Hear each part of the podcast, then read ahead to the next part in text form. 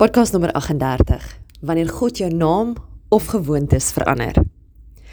Dis in Genesis in die storie van Jakob wat dit vir my altyd so duidelik is dat God 'n persoonlike verhouding met ons wil hê. Dat wanneer hy ingryp, hy absoluut alles rondom ons lewe en ons harte kan verander. Hier sien die storie is vir my so duidelik. Jakob is op pad na Kanaan toe en hy loop 'n man raak. Baie verwys na hom as God self of 'n engel.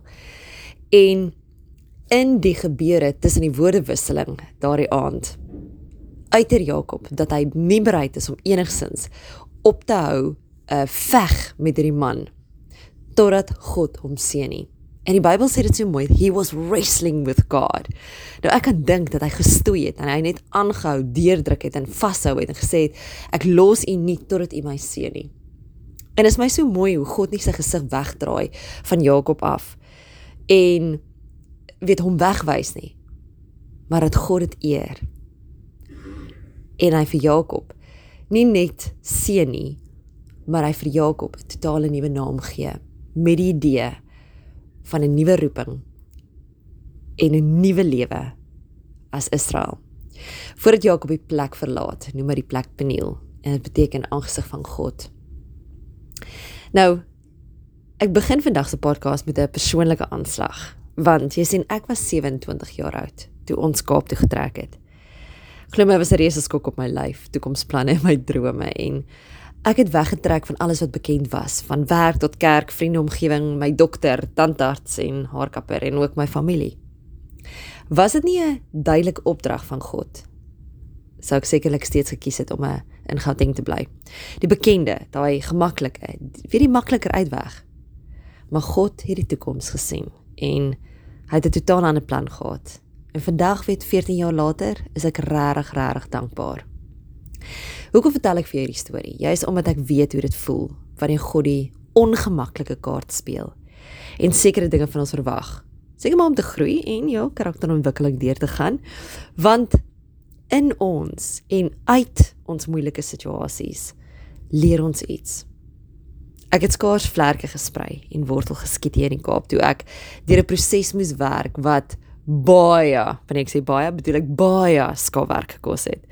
Um jy weet die versoek was eintlik maar baie eenvoudig. Ek moes uitvind wat die eerste gedagte is wat na vore kom wanneer mense my naam hoor. Nou, hou ek wil sê hold on to your horses want jy sien niemand van ons loop met hierdie sigbare inligtingbord om ons nekke wat al ons goeie en slegte karaktereienskappe uitlig nie. Weet nêrens het hierdie info bordjie op my nek gelees iets soos Karin Wasson, liewe God en diere. Um het 'n lekker emotion, staan op vir wat reg is en verpes onregverdigheid en leuns. Niks. Nada. Zilch. Inteendeel. Ek dink al wat mense gehad het om op te gaan was 35 sekondes, 'n eerste handdruk, 'n Gautengse aksent en 'n vreemde klerestyl. That's it. Nou, hierdie oefening was nie om aanpassings te maak omdat ek al goedkeuring van bekende vriende kon kry of of die guns van nuwe kennisse nie. Nee, die fokus was om uit te vind of die mense waarmee ek daagliks saamleef, dieselfde mens is wat mense ervaar wanneer hulle in my teenwoordigheid is. So ek het 5 vriende en ek het familielede wat ek vertrou het gekontak en sonder verduideliking op 'n meer ernstige noot die vraag gevra. Watter woorde kom ter gedagte wanneer jy my naam hoor? En vandag is ek baie eerlik wanneer ek erken dat ek nie van die op die die opsommende woorde gehou het nie. Um hartseer, verbaas. Ek dink het ek na God gedraai en saam moes ons aan daai karakter en daai persoonlikheid van my skaaf. Sodat die hart van Karin meer na vore kon gekom het en die algemene opvatting meer in lyn gekom het met wie ek in siel en gees werklik is en nie wat ek weergee nie het baie harde werk gekos. Ek dink God moes help met aanpassings op my denke, my spreektaal en uiteindelik toe my reaksie. En so het hernieude gedagtes gelei tot 'n nuwe taal en 'n nuwe uitkyk oor die lewe. Ek kon dit nie los nie. En wanneer ek van Jakob praat, weet ek hoe voel dit om dit nie te los nie. Ek wou God nie los nie.